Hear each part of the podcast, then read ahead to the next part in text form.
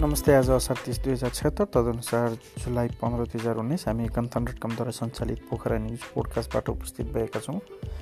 गण्डकी प्रदेशमा प्रशिक्षक सम्मानमा विभेद काउकोट काउँ धरहरामा रमाए हाइकर्सहरू र राष्ट्रिय युवा सञ्जालको अध्यक्षमा पोखराका विवेक त्रिपाठी निर्वाचित।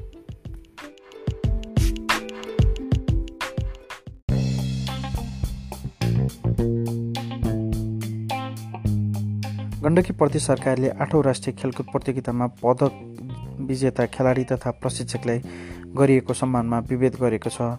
प्रतियोगिताका पदक विजेतालाई सम्मान गर्दा गण्डकी प्रदेश सरकारले त्यही पदक विजेता खेलाडीको स्वयंसेवक प्रशिक्षकलाई भने सम्मान गरेनन्।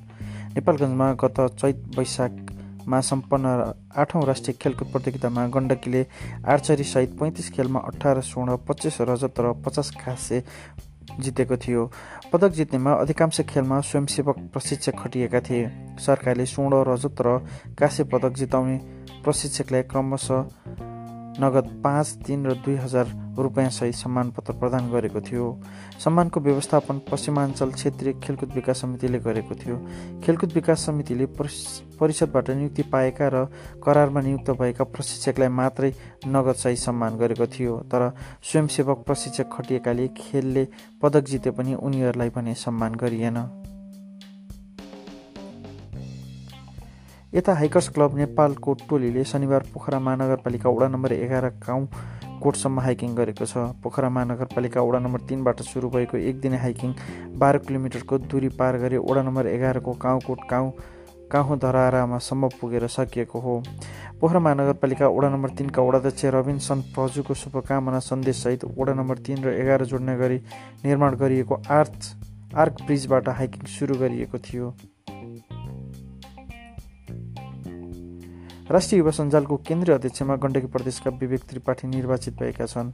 पोखरा चौबिस काशीकोट घर भएका त्रिपाठी निर्वाचनमा उनी सातै प्रदेशबाट सर्वसम्मत केन्द्रीय अध्यक्षमा निर्वाचित भएका हुन्।